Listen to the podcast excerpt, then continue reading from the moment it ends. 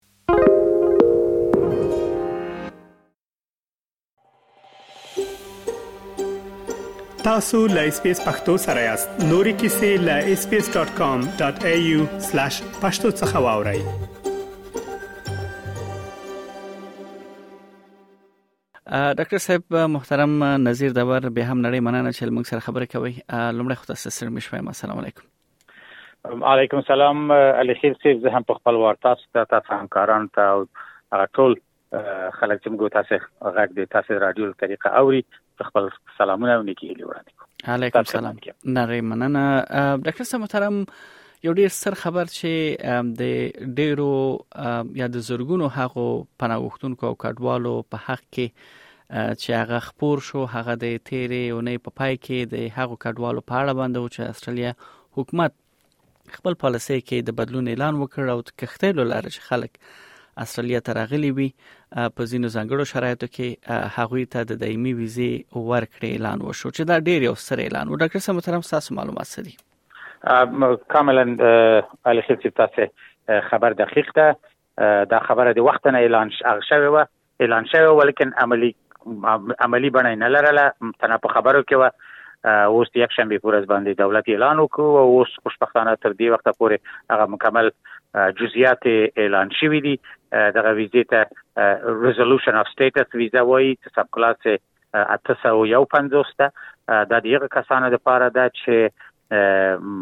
په استرالیا کې دا ویزه د ټمپورري پروټیکشن ویزه چې سب کلاس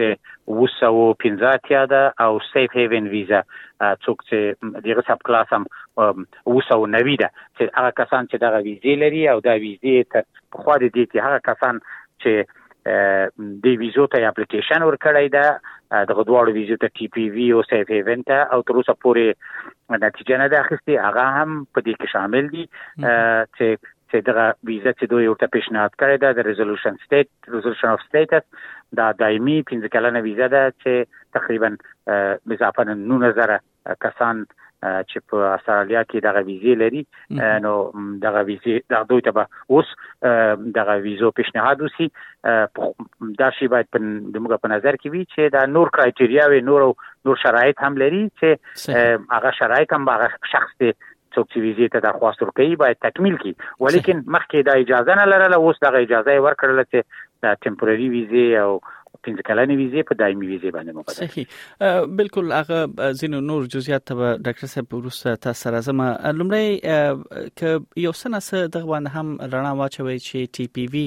او یا شیف ویزه دا کوم ډول ویزه وی او دا ول ورکړ شوی او دومره انتظار ول پدې کې وشو چې ځینې کسان حتی تر لاسو کلونو پورې دوی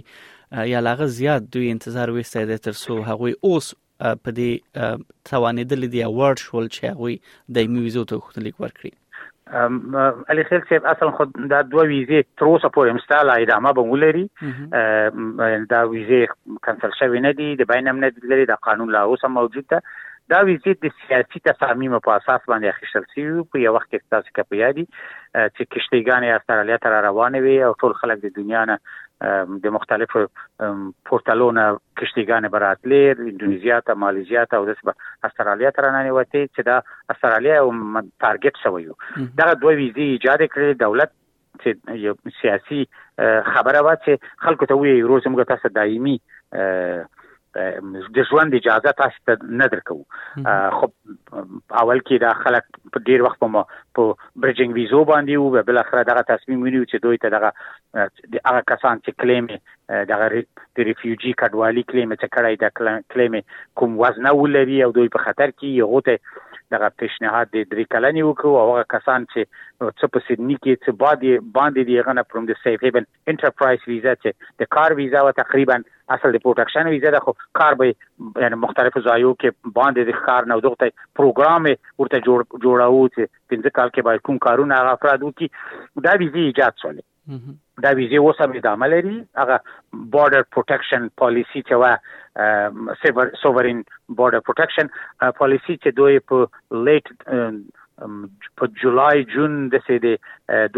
2013 یا 2013 کې چې دوی هغه اعلان کړی و دی هغه د قوت لپاره چې وکړی شي دغه کشته د کشتوی ممانعت وکړي چې خلکو ته چې دغه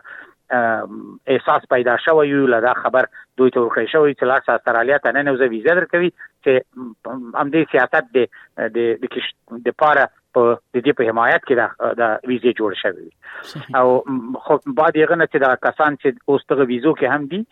ځینې کسان دي چې پیش دي دغه غنه راغلي دي د دغه تاریخ دی دغه چې دغه عملیات شروع شوی وو دغه سوورین بارډر پروټیکشن په عملیات او ځینې کسان دي چې بعد یې غنه راغلي دي چې هغه ته فاست ټریک وایي په خو دې کې هغه کسان چې د ویزې اپلیکیشنونه یې رد شوي لا په محاکمو کې وو او لا لا یې ویزې لرلې د هغو ویزې کنسل شوې دي هغه په دغه جمله کې شامل دي ډاکټر صاحب بل سوال دا پیدا کیږي چې ځکه دغه اعلان لکه څنګه چې تاسو مخکې د غي ذکر وکړ کله چې د کمپاین دوران و حتی د لیبر ګوند ژمنه کړې و چې دغه کسانو ته به دغه سرنوشت به معلوموي ولې لغې نه میاشتې تیر شوې ولې اعلان دا وشو او د اعلان سره دا هم ویل شول چې دوی له همدغه نه نه دوی کولای شي چې اپلای وکړي ډاکټر صاحب بل دا چې یو کس همدغه سی ویزه لري او په شرایطو ور دی هغه وایي چې زه باید لدی ورسره سو کړم او څومره وخت به ونیسي چې زما ویزه به دایمي شي علي خیل صاحب اصل خو اعلان یې کړی دی ویلي دي چې دا اوس نه امکان لري دوی اپلای ورته وکړي دوی دغه درخواست دغه ویزو ته ورکړي ولیکن چې ویلي دي چې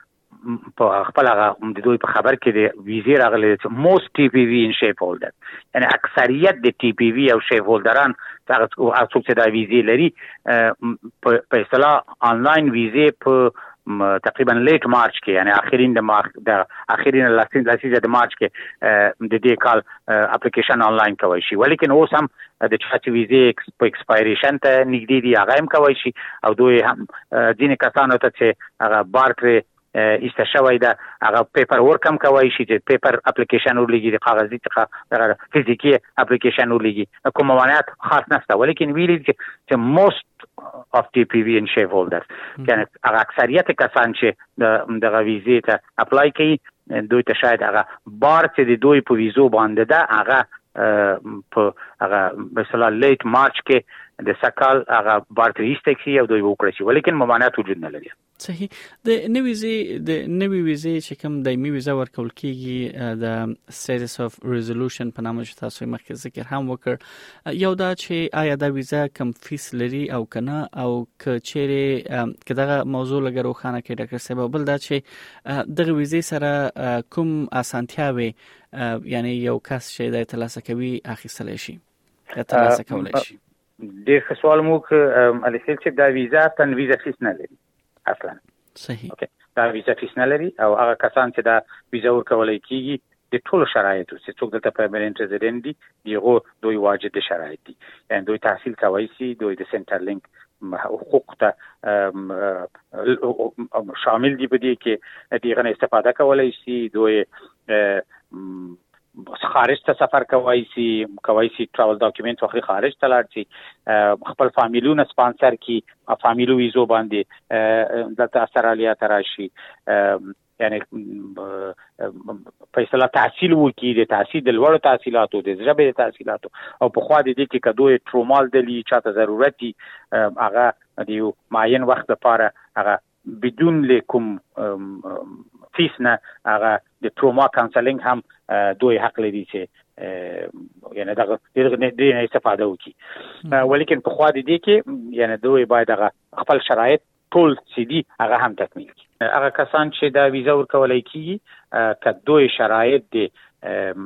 سیټیزنشپ د استرالیا هم پیدا کی دا کولی شي سیټیزنشپ ته اپلای وکړي او وخت چې سیټیزنشپ واخیست طبیعي ده چې بیا استرالیان پاسپورت هم دوی درخواست ورکوي شي او هغه د استرالیا پاسپورت هم اخیستی شي خو ولیکن دغه کسان چې دی اوس چې وخت چې ویزه واخیستله هغه د ویزې د پرمننت ویزې د اخیستلو نه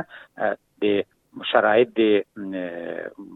سیټیزنشپ حسابيږي چې هغه 12 میاشتې چې دوی باید دلته وي او په مجموع کې څلور کاله په استرالیا کې ژوند کړی طبي د چې نور شرایط چې مثلا ښه کریکټر ولري جرم نه وي کړی او استرالیا د لپاره خطر نه وي او استرالین ویلیو سټیټمنټ هغه ارزښتونه د استرالیا چې دی هغه منلي وي هغه د استرالیي ژوند منلي هغه دغه تعهدات امضا کړي ټول شیان پکې شامل دي هم د ویزې پور کولو کې هم د سیزنشپ پور کول کې او وخت چې بیا سیتیزن شي خو ویزې ته طبیعي ده چې هغه بیا پاسپورت اخیستلای شي چون قانوني حق یې صحیح بل کې دې شي داس مو روسي پښتنه هم وی ډاکټر سم محترم اول خو جزئیات ډیر زیات دي نورم ک راتلونکي کې راځي نو تاسو به زحمت درکو چې غلطه سنې روخانه کړو ولې یو سوال دا پیدا کیږي ډاکټر صاحب چې د کښتیو ذکر کیږي، د کښتیو له لارې استرالیا ته راغلو کسانو ته دایمي ویزه ورکول کیږي. دغه څه پیغامونه د انساني قاچاقبرو ته آیا دا کوم پیغام رسوي؟ هغوی کولی شي چې خلک دوکه کړي او بیرته په کښتیو کې سپاري کړي او رای ولي او چې دغه ته استرالیا اوس دایمي ویزه ورکوي نو دغه خلکو ته تاسو پیغام څه دی او د استرالیا سرحدي پالیسیانه چې کوم دي آیا په هغه کې هم بدلون راغلی او کنه الکسي تاسو ډیر وکړ دا په دې مورد کې د خپل د هوم افیرز وزیر په صراحت سره ویل چې د دوه هغه بورډر پروټیکشن اپریشن چې دا هغه ادامه لري دا د دې د قانون چې نوې د دې ویزو لپاره راوتلې ده دا په دې خلکو باندې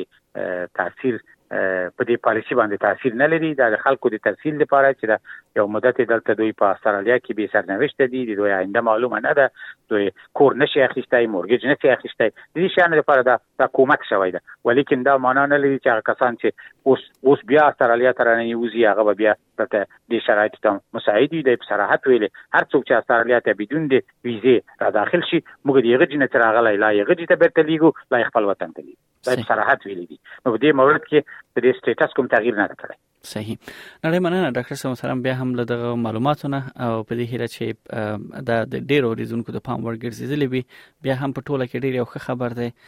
تاسو به هم دا دغه تایید کوي ځکه چې ډیر کسان به سر نوښتول دلته په ډیر شمیر د افغانانو هم جوړو نو هغوی ته ټوله کې یو ښه خبر دی نو ستاسو له وخت نه نړۍ مننه راخیر صاحب محترم خواهش کوم الخیر صاحب زه همیشه تاسو خدمت کې یم بلې و دا یو ډیر د ښه اقدام ده موږ ډیر افغانان او نور د ځینې خلک د نور هوادونو هم په دې کې شامل دي چې دوی لپاره دا یو واقعا یو ښه تصمیم دولت وعده کړې و خپل وعده عملی کړله په دې اړه کې